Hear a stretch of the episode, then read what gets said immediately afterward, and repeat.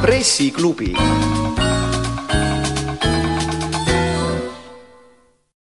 hallo, head kuulajad, siin Kuku raadio, täna on esmaspäev, on pressiklubi aeg. kui te meid kuulete, siis on äh, mõni minut kell üks läbi, peab lihtsalt kohe ära ütlema, et me lindistame selle saate reedel, et sel ajal, kui see saade eetris on, oleme meie siit stuudiost juba läinud.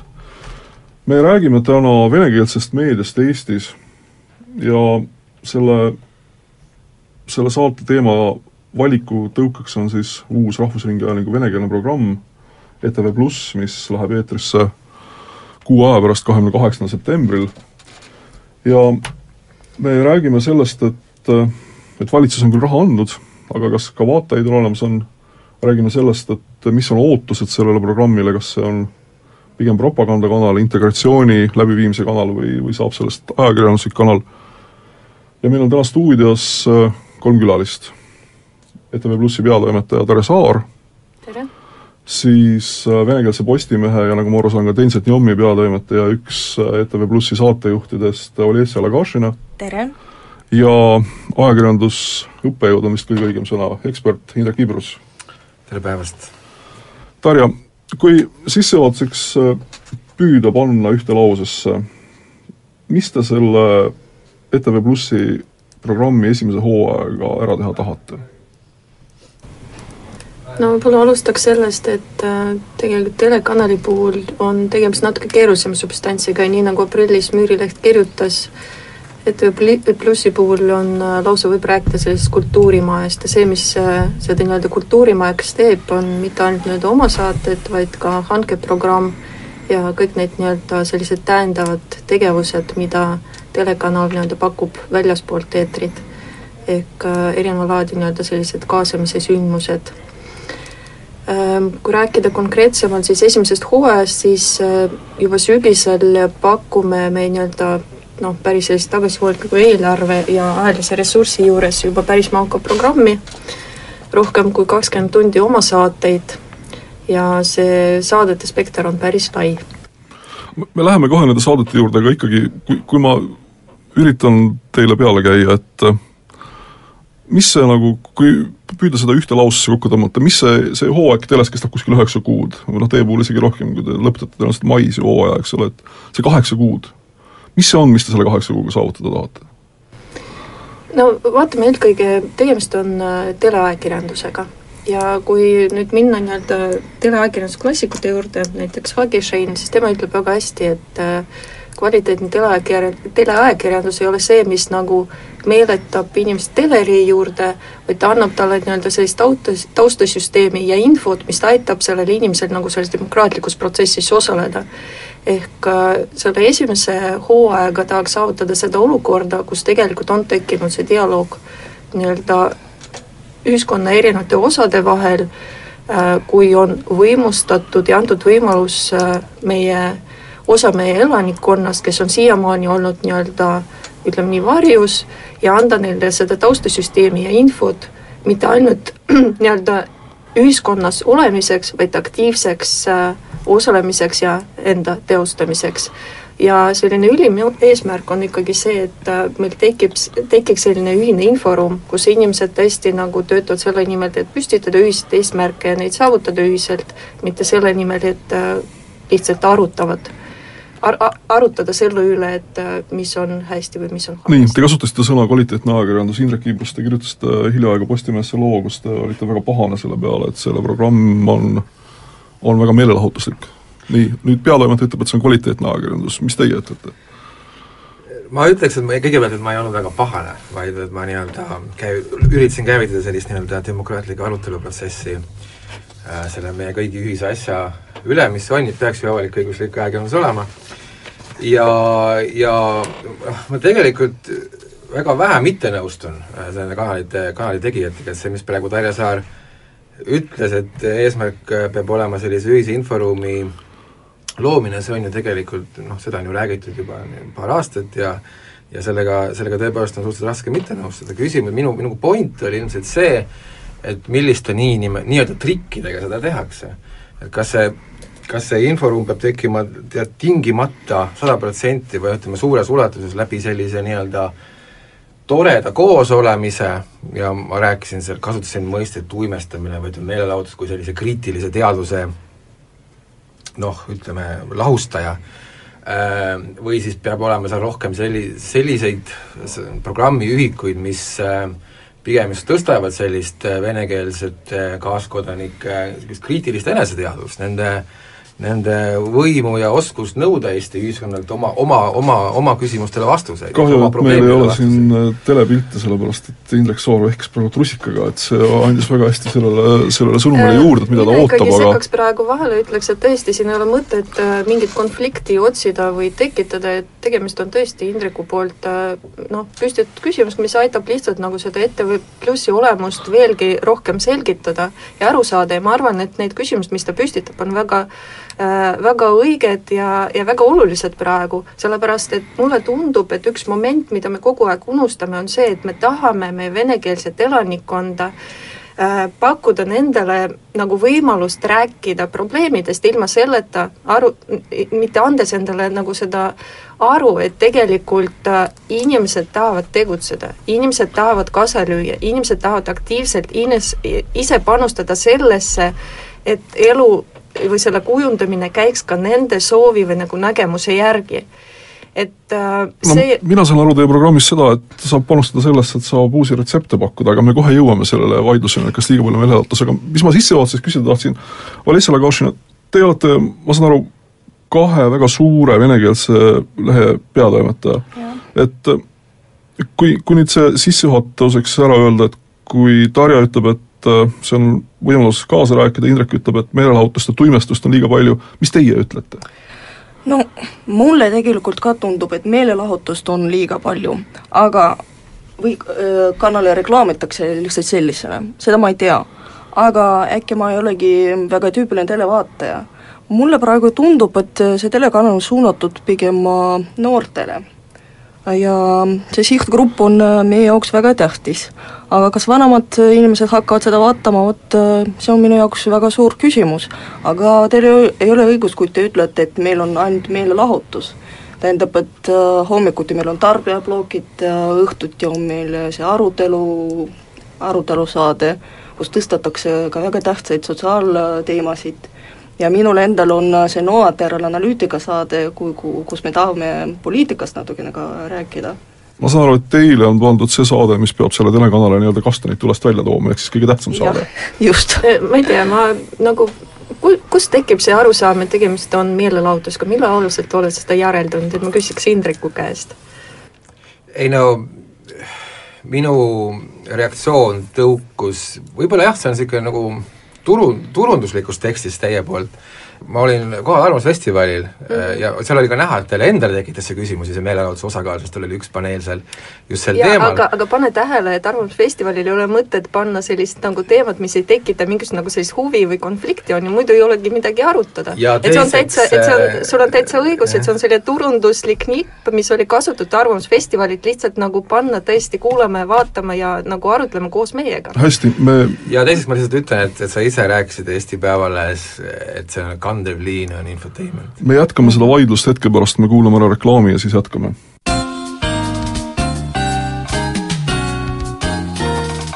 pressiklubi. head kuulajad, eetris on Pressiklubi, meil on täna stuudios kolm külalist, kaks äh, vene, Eesti-Vene ajakirjanduse ajakirjanikku, siis Darja Saar, Olesja Lagašina ja meediaõppejõud ja ekspert äh, Indrek Ibrus. Darja, ma saate alguses katkestasin teid, et äh, kas te räägiks mõne sõna Videomaa programmist?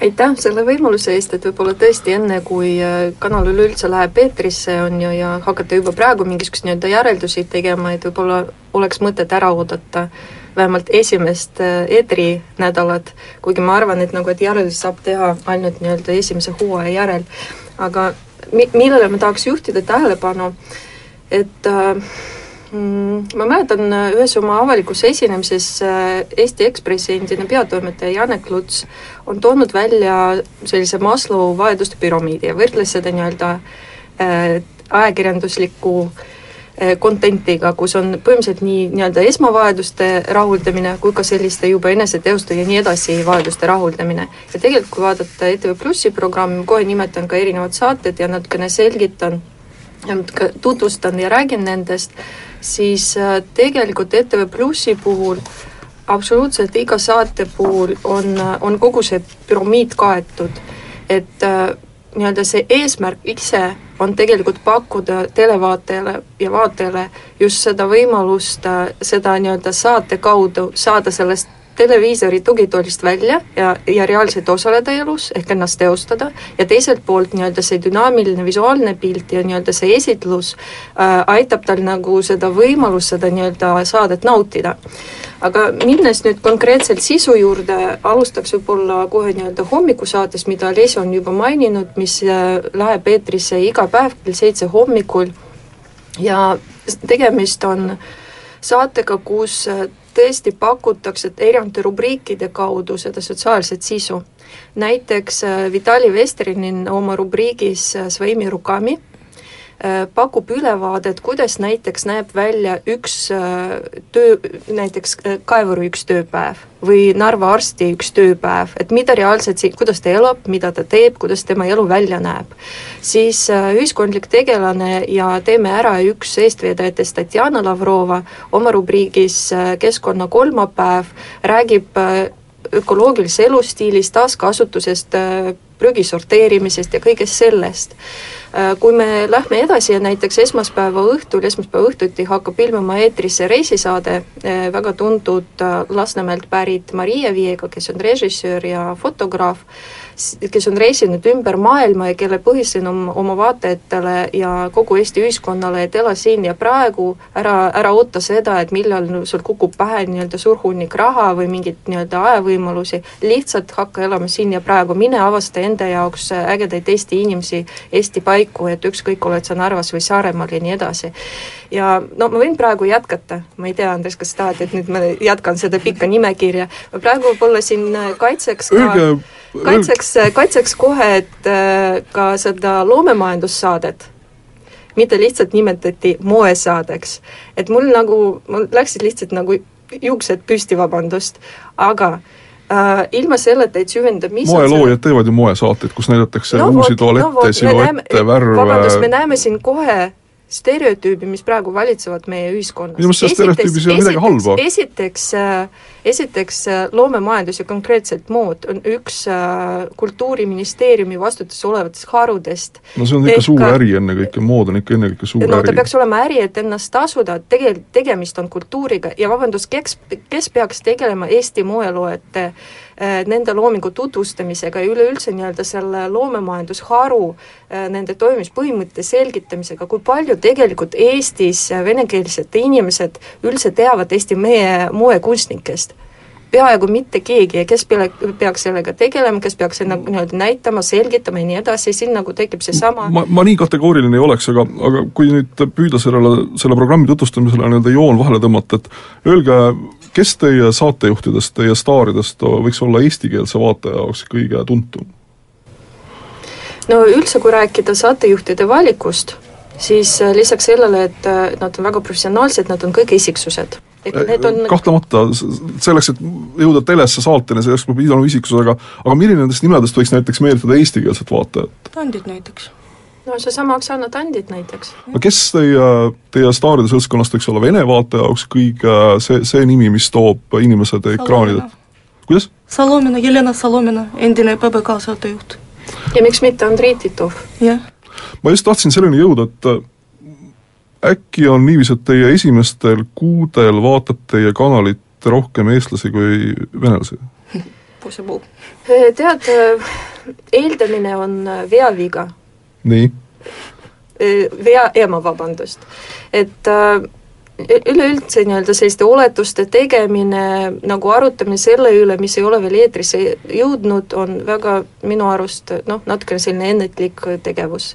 et ma arvan, millegi praegu peaks äh, tõesti keskenduma, on lasta lihtsalt tegijatel tegeleda ikkagi kanali ettevalmistamisega. ma, ma, ma ei ta-, ma ei tahtnud sellega kuidagi teie valikut või programmi valikut sellega halvustada, et, et vaatab rohkem eestlasi, ma tahtsin sellega lihtsalt öelda seda, et et kuna, kuna ma muidugi venekeelset inforuumi nii halvasti jälgin, siis ma muidugi ei tea, kui palju sellest üldse räägitud on, eestlased on sellest rääkinud juba mitu kuud, kõik teavad, et see programm tuleb. Ja ma kujutan ette, et kahekümne kaheksanda septembri õhtul Äh, keegi ei vaata seal ETV ühte või ETV kahte, kõik vaatavad ETV kolmandat programmi, sest nad tahavad lõpuks ometi teada, mida seal siis no, pakutakse. kuidas te venekeelsed vaatajad üles leiate? milles selles halba on esiteks? ei, ma ei ole öelnud, et see on halb. tegemist äh, on avalik-õigusliku kanaliga, see tähendab seda, et tegelikult meie poolt on loodud kõik võimalus selleks, et ükskõik, mis emakeelega sa oled või suhtluskeelega, sa saad seda kanalit vaadata. ja, ja noh, jumal tänatud, kui see tõesti pakub huvi kõigile, on ju, et igaüks leiab sealt sõltumata tema emakeelest siis midagi huvitavat et ma ei näe siin mitte mingit ei, see, see ei ole, jah, Indrek. ma tõstaksin ka esile, et noh, jällegi, et see on niisugune väga mitmeotsega teema, asi, eks ole, nähtus või ootus. et ühest küljest seda me ju tahamegi, et tekiks ühine inforuum, eks ole, ta võib tekkida ka sedapidi, et eestlased vaatavad vene, vene telekanalit ja saavad aru sellest ma-, mõttemaailmast või, või teemadest või probleemidest, mis äh, venekeelsete kaaskodanike ringis äh, käivivad, eks ole.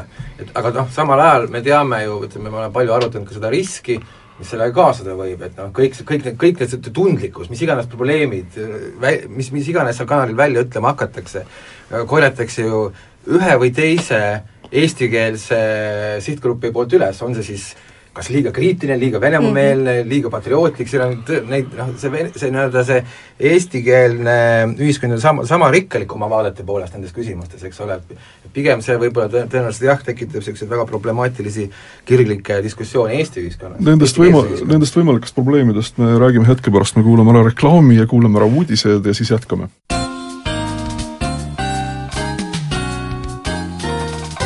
pressiklubi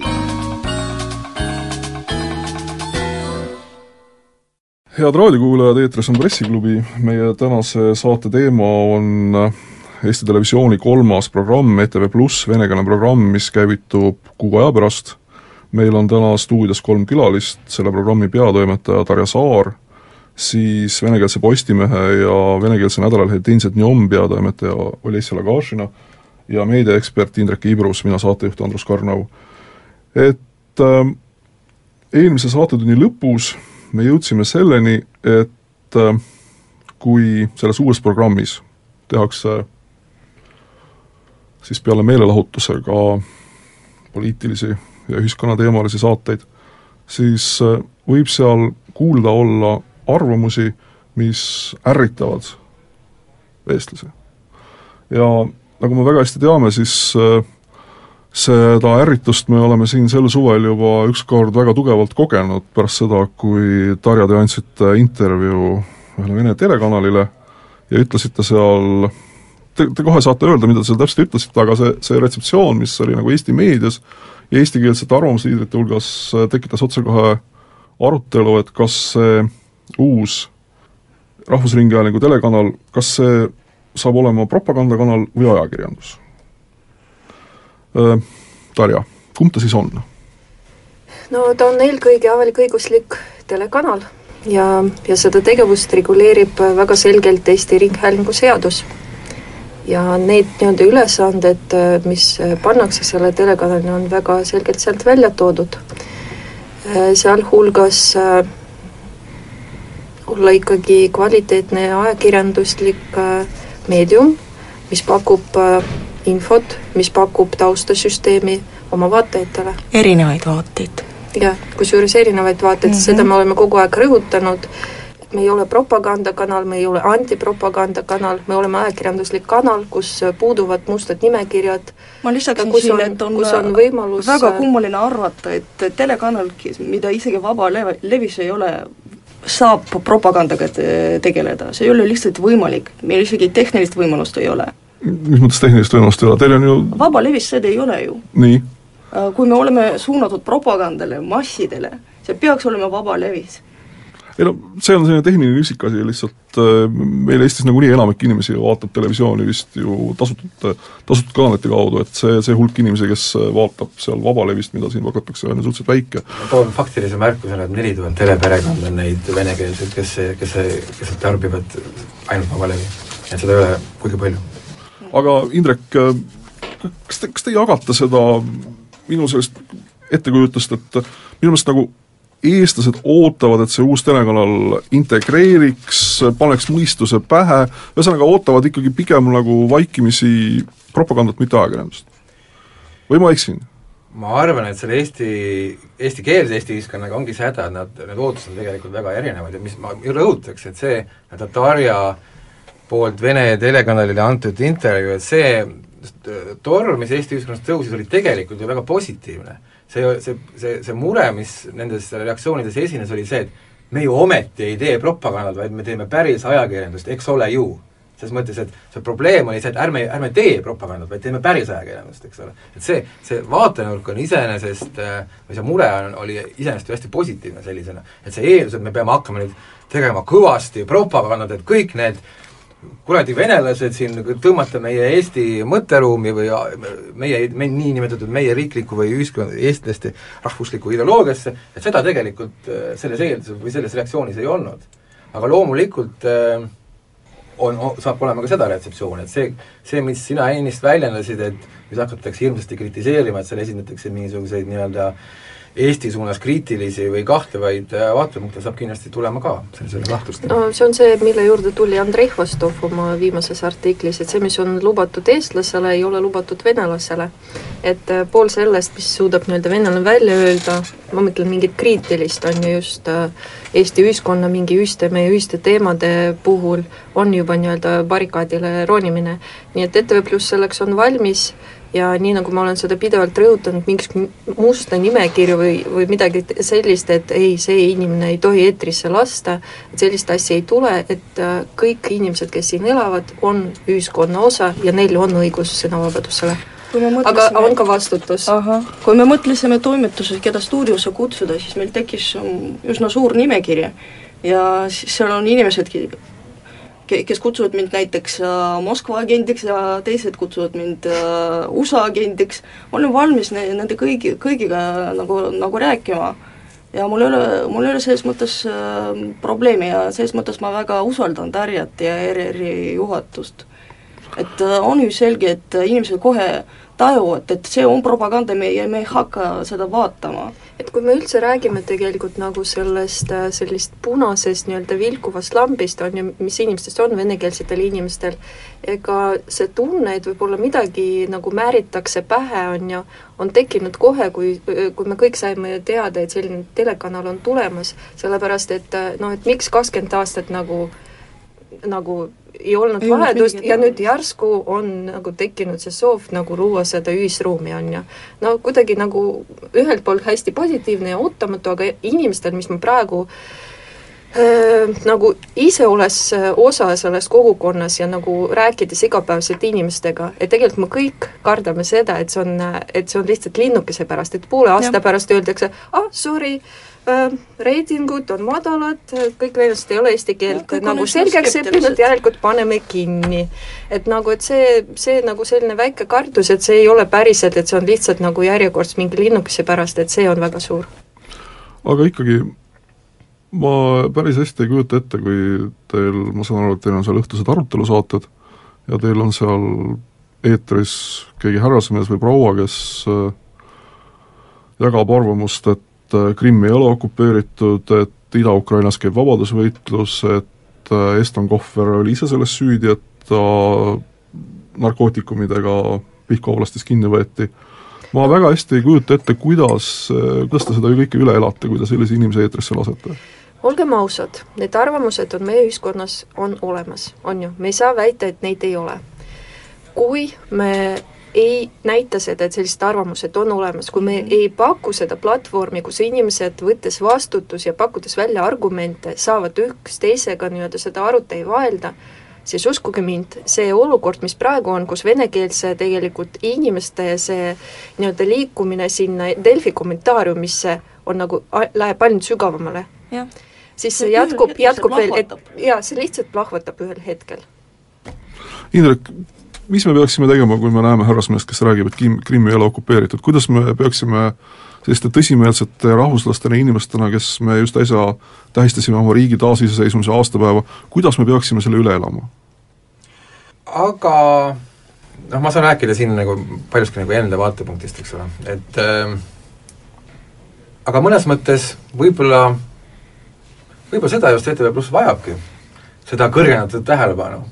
sellepärast, et kui me vaatame ka Eesti meedia, näiteks online meedia mingisuguseid klikinumbreid ja arve, eks ole, kõige roh-, kõige rohkem lähevad peale ikkagi need uudisnupud, mis räägivad, ütlevad midagi Venemaa kohta, mis ütlevad, kus kellegi venekeelse suust tuli midagi kriitilist Eesti kohta, need koguvad tähelepanu, neid jälgitakse, et võib-olla lihtsalt äh, äh, seda ongi vaja, et kõik need nii-öelda teemad ühes mingisuguses dialoogilises või vaate, kõik need erinevad vaated ühes dialoogilises keskkonnas nii-öelda kokku tuua ja siis arutada, et kui ERR toob selle nii-öelda ühe vaate ka laua taga, noh siis teisi vaateid on ju ka laua taga, siis arutataksegi ja siis jõutaksegi mingisuguse järelmile. ja noh, võib-olla siis käivitubki mingisugune nii-öelda reaalne diskussioon lõpuks või mingisugune selline nii-öelda Habermassi mõttes selline nii-öelda parimate või õigemate või väärtuslikumate äh, arusaamade väljasettimine ja teatud selline konsensuse otsing ühiskonnas. aga Indrek, olete te ikka kindel, et me elame selle üle, selle, selle ar-, paremate arvamuste väljasettimise? Ehm, No kindlasti saab see olema raske ja keeruline ja ma üld-, igas mõttes, ses mõttes äh, soovin siin äh, kolleegidele laua taga jõudu ähm, ja, ja need esimesed paar aastat kindlasti saab olema teatud selline kerge šokiteraapia Eesti ühiskonnale, aga noh, see tuleb lihtsalt läbi teha.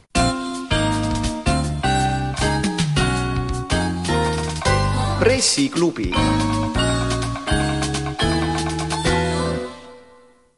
head kuulajad, jätkame Pressiklubi, meil on täna stuudios kolm külalist, ETV Plussi peatoimetaja Darja Saar, Denzel Njommi ja venekeelse Postimehe peatoimetaja Olesja Lagašina ja meedia asjatundja Indrek Ibrus. Olesja, teie hakkate, kui ma nüüd õigesti aru saan, teie hakkate juhtima saadet, mis on umbes selline, nagu teeb Indrek Treifelt ETV-s, olen ma õigesti aru saanud? see on arutelusaade, vestlussaade? see on nagu Eho Moskvõs особое мнение. me viime nagu arvamuse formaati tele-eetrisse. Teil saab seal olema nii-öelda üks mitu külalist, kuidas te seda mõelnud olete? teda teed ikka. kaks inimest, saatejuht ja üks Otse-eeter. külaline. kuidas te, kas te olete juba valiku teinud, kes teil esimesel nädalal eetrisse läheb?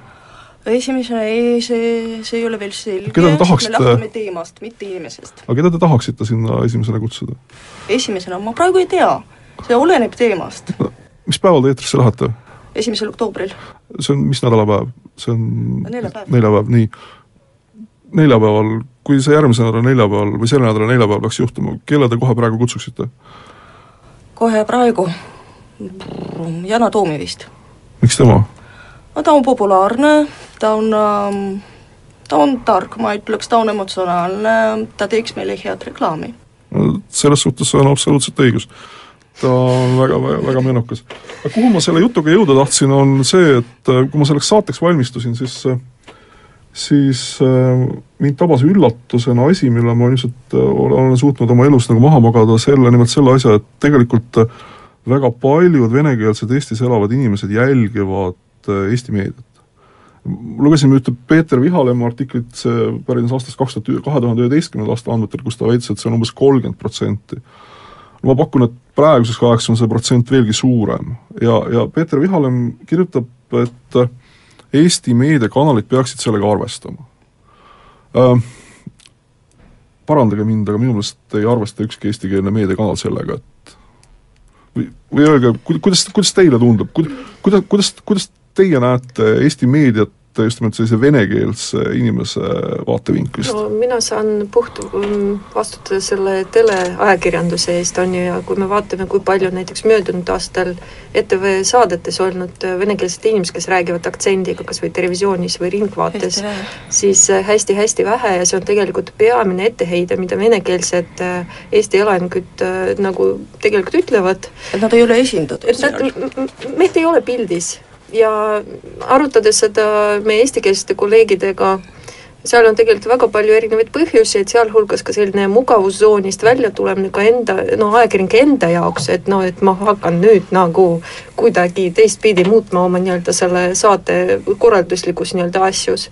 Aga ma arvan, et ETV Pluss on üleüldse selline ettevõtmine, mis, mis käivitab terve rida muudatusi meie ühiskonnas ja, ja ma arvan, positiivseid muudatusi, kus nagu aktsepteeritakse seda, et inimene võib rääkida eetris aktsendiga ja see on okei okay, ja see on see on igapäevane nähtus ja meie inimesed on meie seas ja mis, mis peamine, mis nagu pani mind Arvamusfestivali mõtlema, kus oli järjekordselt arutatud seda pagulaste teemat ja siis üks väitlejatest või selle arutelu osundus on öelnud, aga mida ütlevad venelased selle peale, et me nüüd ei tegele nende probleemidega, me nüüd hakkame tegema pagulastega.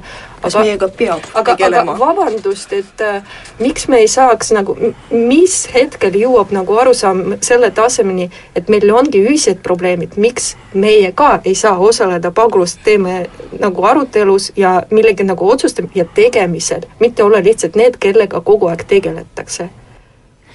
aga jah. tohiks, ma juhiksin võib-olla tähelepanu sellele aspektile, et võib-olla osaline probleem selles on ka lihtsalt teatud selline Eesti ajakirjanike teadmatus, nad ei tunne seda vene kogukonda, venekeelset ühiskonda siin Eestis.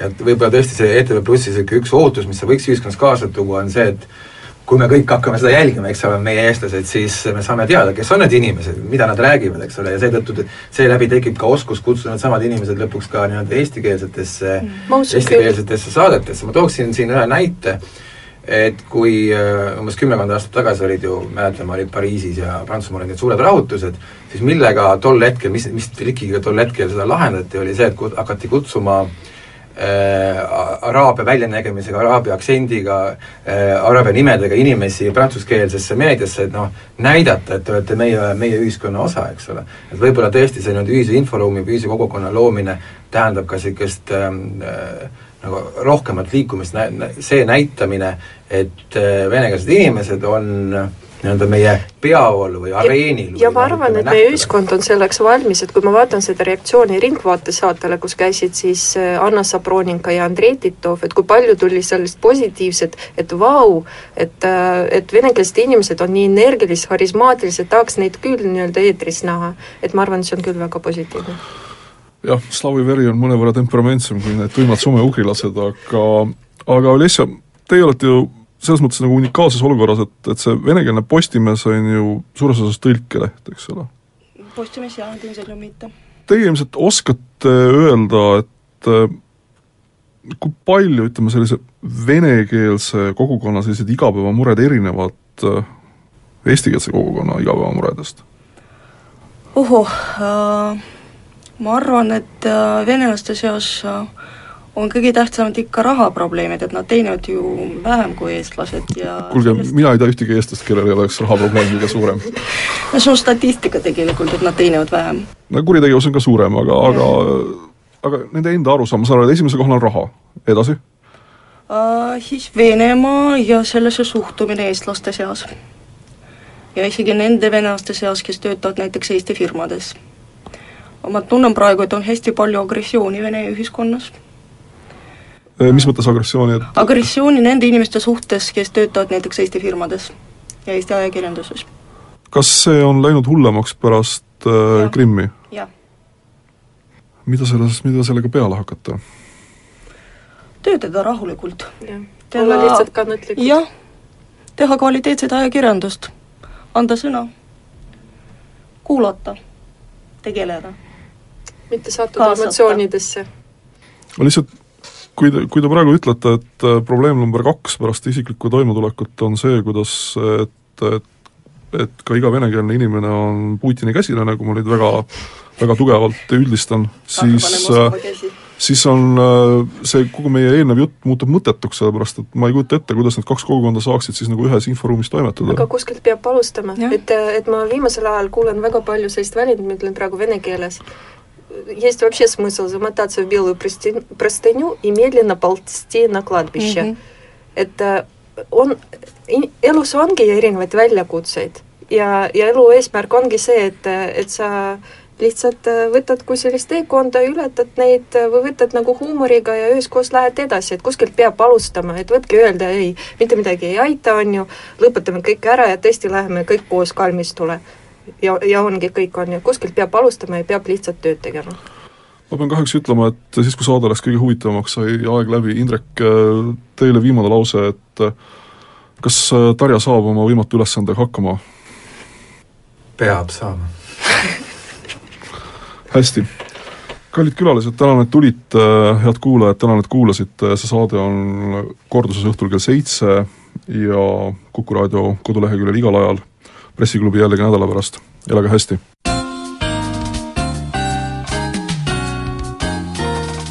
pressiklubi